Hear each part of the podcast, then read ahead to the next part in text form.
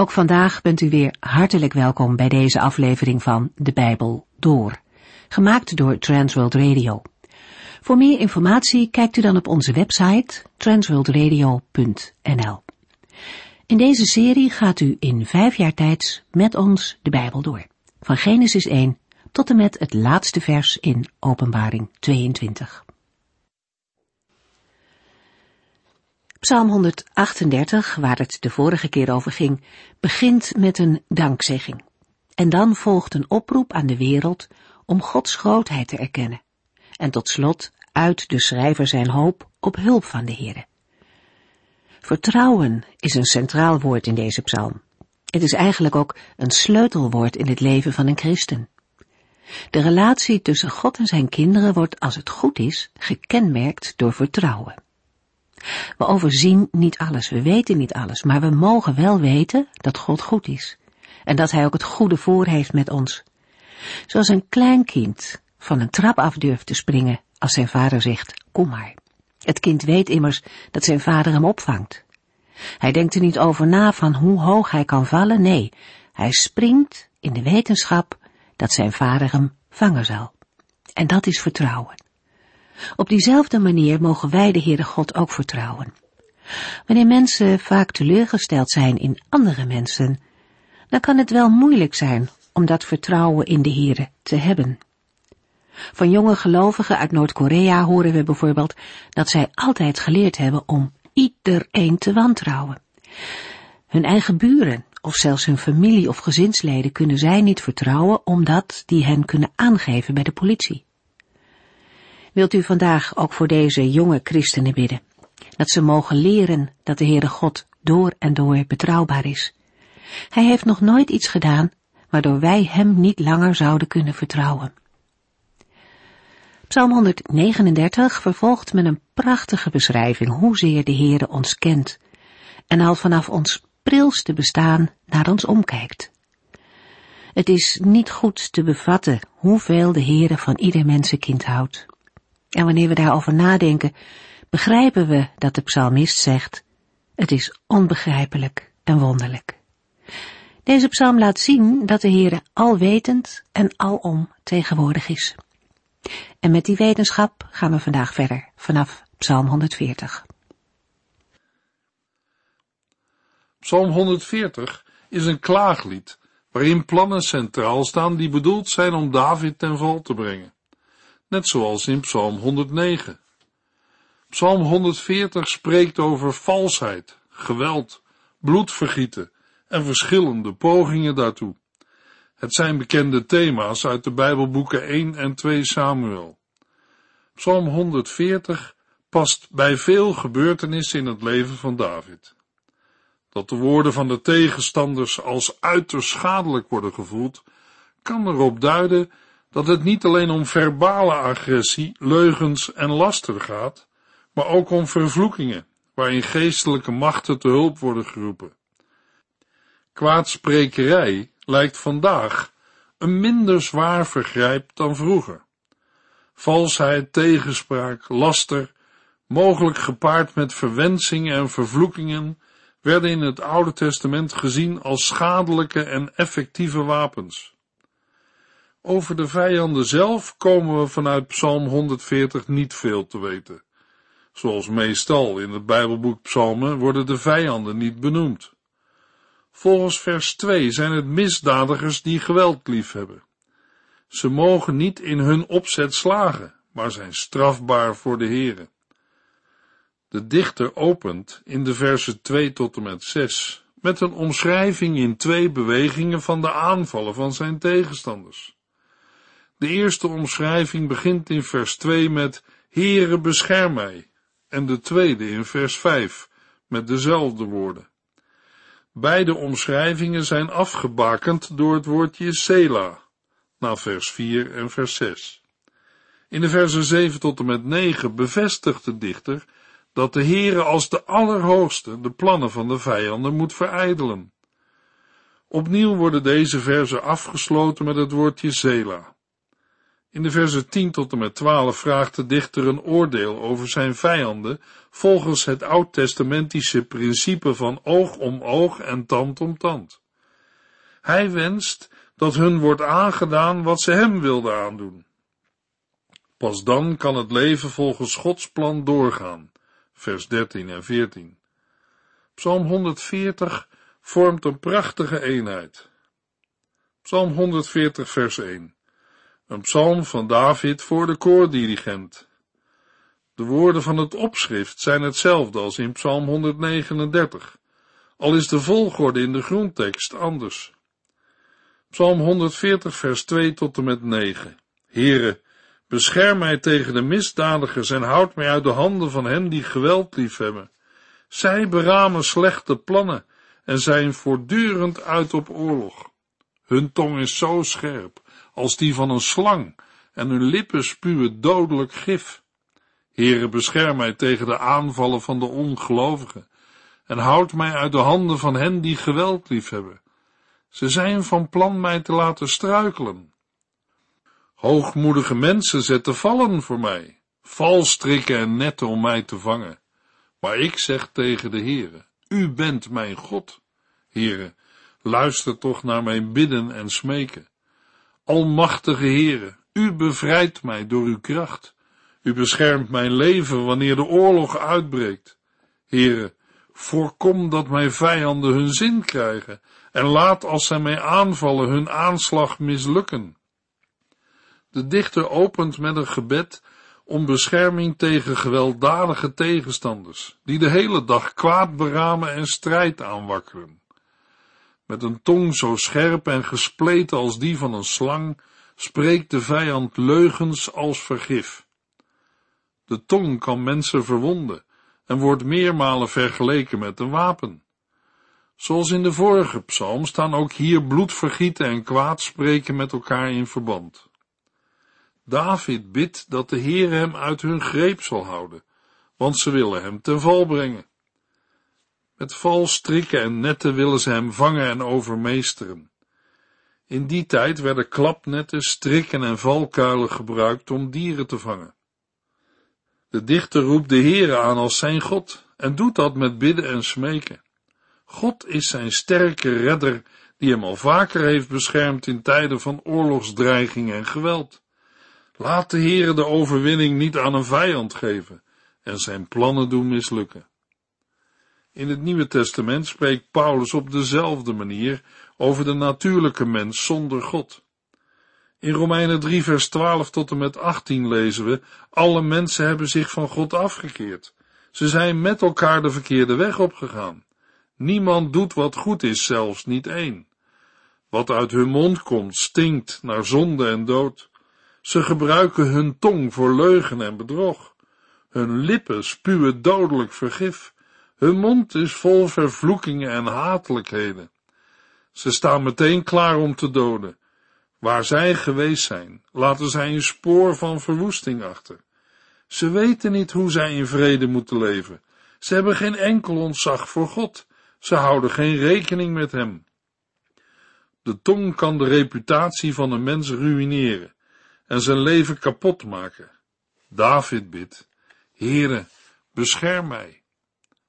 Psalm 140, vers 10 tot en met 14. Het kwaad van de mensen om mij heen en de slechte dingen die zij zeggen, zullen hunzelf overkomen. Laat het gloeiende kolen op hen regenen. Laat hen in een vuurkuil vallen waar ze nooit meer uitkomen. De roddelaar heeft geen recht van leven in dit land en ik hoop dat het ongeluk de misdadiger inhaalt. Ik ben ervan overtuigd dat de Heer het opneemt voor de armen en verdedigt wie het moeilijk hebben. Het is duidelijk dat de oprechte mensen uw naam zullen prijzen.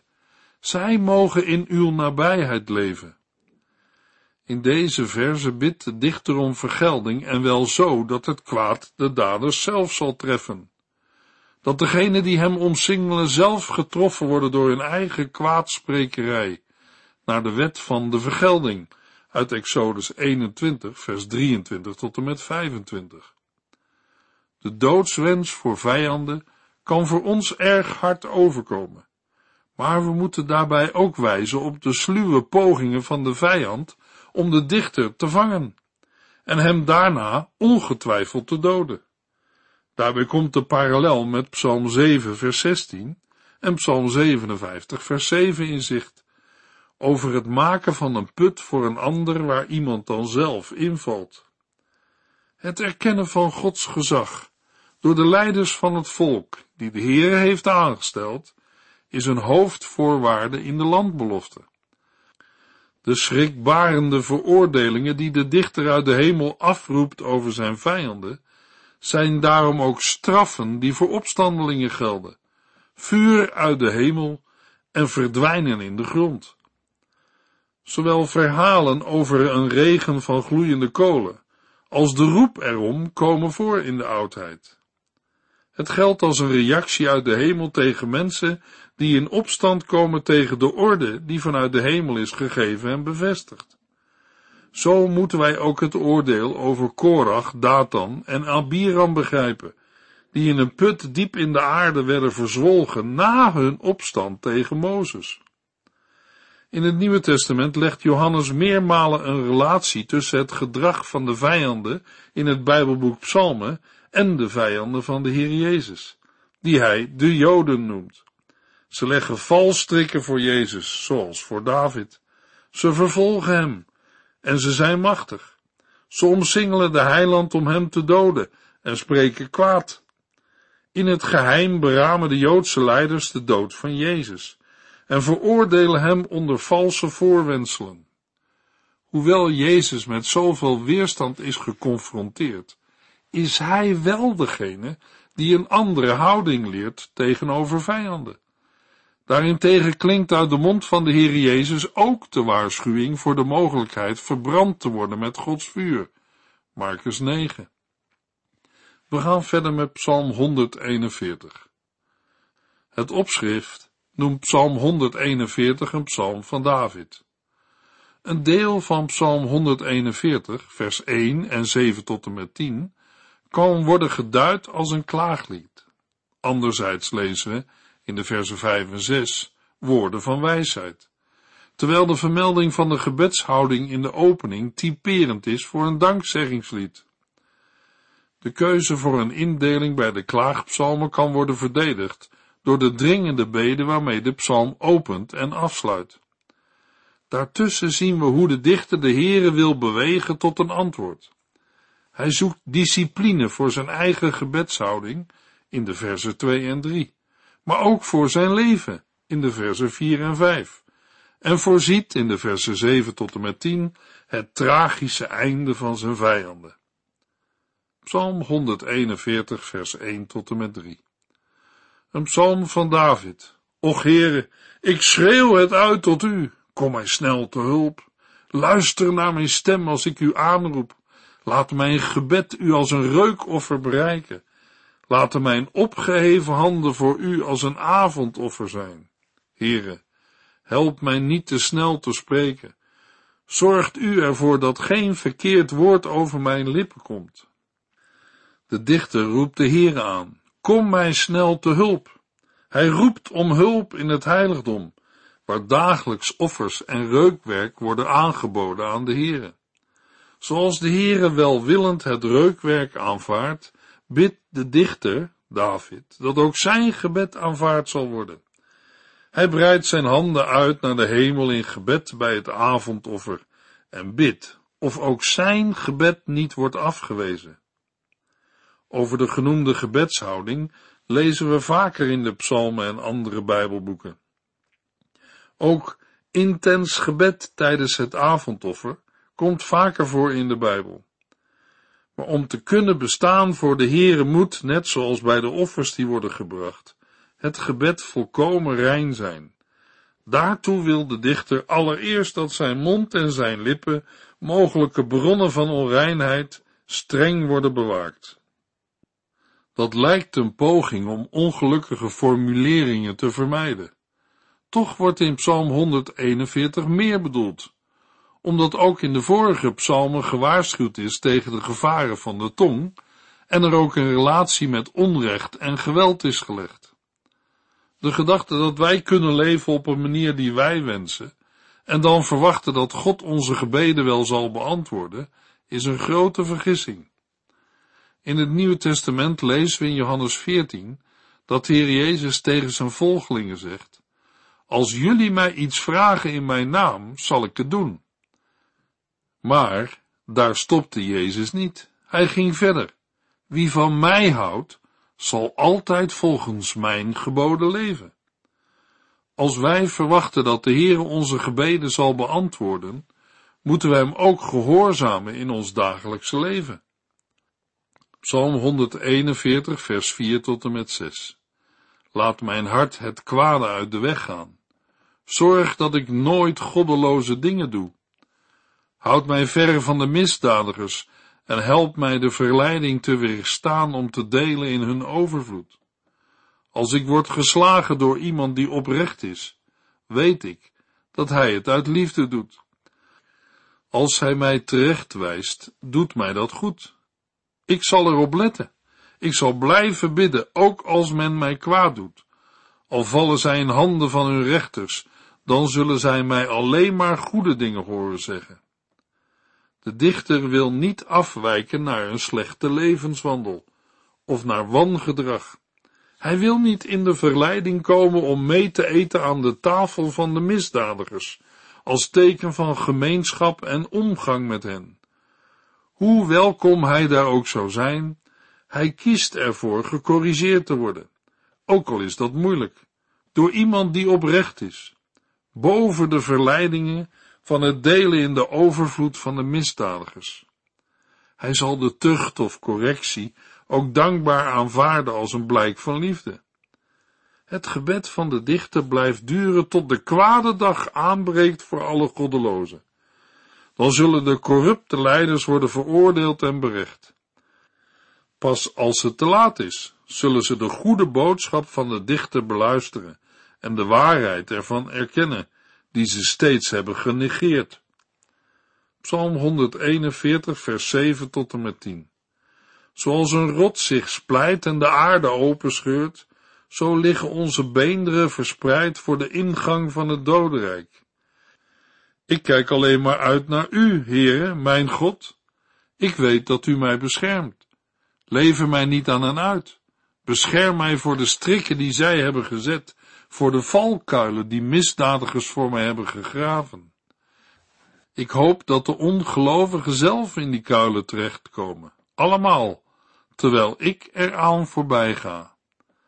De dichter bidt verder om de hulp van de Heere. De beenderen van zijn volk liggen als het ware verspreid aan de ingang van het dodenrijk.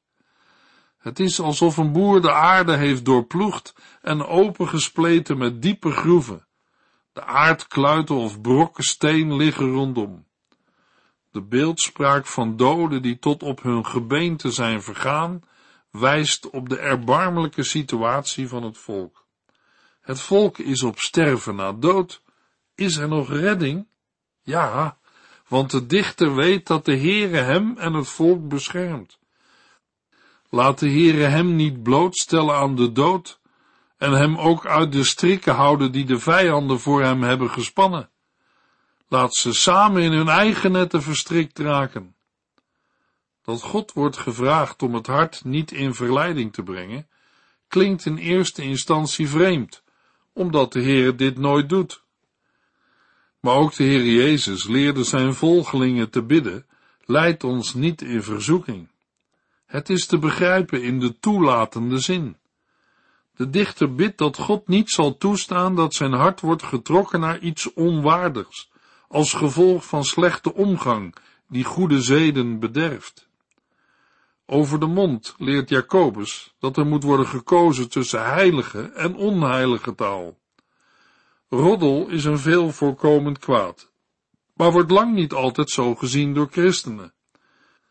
Gelovigen, in de Bijbel ook heiligen genoemd, kunnen gebeden opzenden die inderdaad als reukwerk voor de Here zijn. Openbaring 5 vers 8. Wie zo bidt, mag zijn handen opheffen en rekenen op gehoor. We gaan verder met Psalm 142. Psalm 142 is een individuele klaagpsalm en het laatste leerzame gedicht van David. Vier van deze leerzame gedichten zijn met Davids levensverhaal verbonden. Psalm 54 met zijn schuilplaats in Zif, Psalm 55 met het verraad door een vriend, Psalm 57 met Doeg de Edomiet en Psalm 142 met de vluchtperiode in grotten. Psalm 142 wordt gestructureerd door twee uitroepen aan het begin, in vers 2 en 6, en de vermelding in de Hebreeuwse tekst van mijn ziel aan het slot van het delen, in vers 5 en 8. De psalm begint in de versen 2 tot en met 5 met een beschrijving van de nood, en daarna volgt, in de versen 6 tot en met 8, het smeekgebed. Na de aanhef over het leerzaam gedicht van David volgt de mededeling dat het lied ook een gebed is, geschreven toen David zich voor Saul moest schuilhouden in grotten. Psalm 142, vers 2 tot en met 6. Hardop roep ik naar de Heer en ik smeek hem naar mij te luisteren. Ik stort mijn hele hart voor hem uit. Al mijn ellende vertel ik hem. Als alles mij te veel wordt, weet u hoe ik verder moet. Men zet vallen voor mij op het pad dat ik moet gaan. Ik kijk naar rechts en zie uit naar hulp, maar geen mens kijkt naar mij om. Ik heb geen plek om te schuilen en niemand vraagt hoe het met mij gaat. Heren, ik roep naar u. U bent de beste plaats om te schuilen. U houdt mij in leven. Met luide stem roept David om hulp, waarbij hij zijn God aanspreekt met de verbondsnaam Heren. Hij lucht zijn hart en vertelt zijn nood. Als hij lijkt te bezwijken, dan weet God hoe het verder moet. Om zich heen kijkend ziet de dichter niemand die naar hem omkijkt.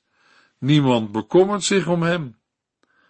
In het Oude Testament wordt iemands persoonlijk leed vaak nog verzwaard, doordat zijn familie zich van hem afkeert.